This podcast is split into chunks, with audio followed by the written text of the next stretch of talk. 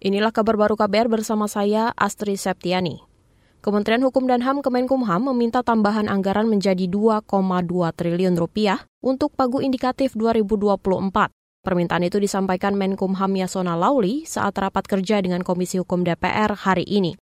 Untuk melaksanakan tugas-tugas dan penguatan fungsi Kementerian Hukum dan HAM. Untuk itu kami meminta dukungan dari Komisi 3 tambahan anggaran tahun 2024 2 triliun 229 miliar 757 juta 634 ribu yang telah kami ajukan melalui surat Menteri Hukum dan HAM tanggal 26 Mei 2022. Menkumham Yasona Lauli menyebut pagu indikatif Kemenkumham pada 2024 menurun jika dibandingkan 2023. Dia mengaku mengusulkan pagu 2024 sebesar 24 triliun rupiah, namun Menteri Bapenas dan Menteri Keuangan menetapkan pagu indikatif lebih rendah yakni 18 triliun.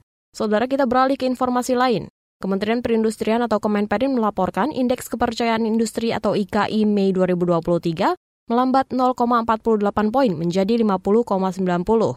Juru bicara Kemenperin Febri Hendri Antoni Arif mengatakan, Kondisi ini terjadi karena beberapa subsektor dengan nilai besar mengalami penurunan. Penyebab kedua, melandainya ekspor karena penurunan harga komoditas dan juga termasuk juga penurunan atau perubahan e, nilai tukar. Ketiga, masih terdapatnya stok persediaan dari bulan April 2023 karena terjadinya penurunan daya beli masyarakat selama bulan lebaran tidak seperti lebaran tahun sebelumnya.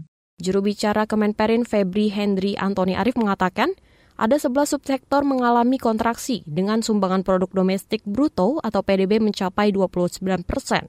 Sementara itu 12 subsektor lain mengalami ekspansi dengan sumbangan PDB 70-an persen.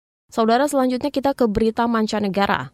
Dewan Keamanan Nasional NSC Korea Selatan mengecam peluncuran roket Korea Utara. Dikutip dari Antara, NSC menilai peluncuran roket itu merupakan pelanggaran berat terhadap resolusi Dewan Keamanan PBB. Meskipun peluncuran roket itu gagal, namun NSC menilai Korea Utara telah menyebar provokasi serius yang mengancam perdamaian semenanjung Korea. Sebelumnya, Korea Utara menembakkan roket pada pukul 6.30 waktu setempat. Korea Utara kemudian mengakui roket yang diluncurkannya gagal, namun mereka berjanji akan mencoba lagi secepatnya. Demikian kabar baru KBR. Saya Astri Septiani.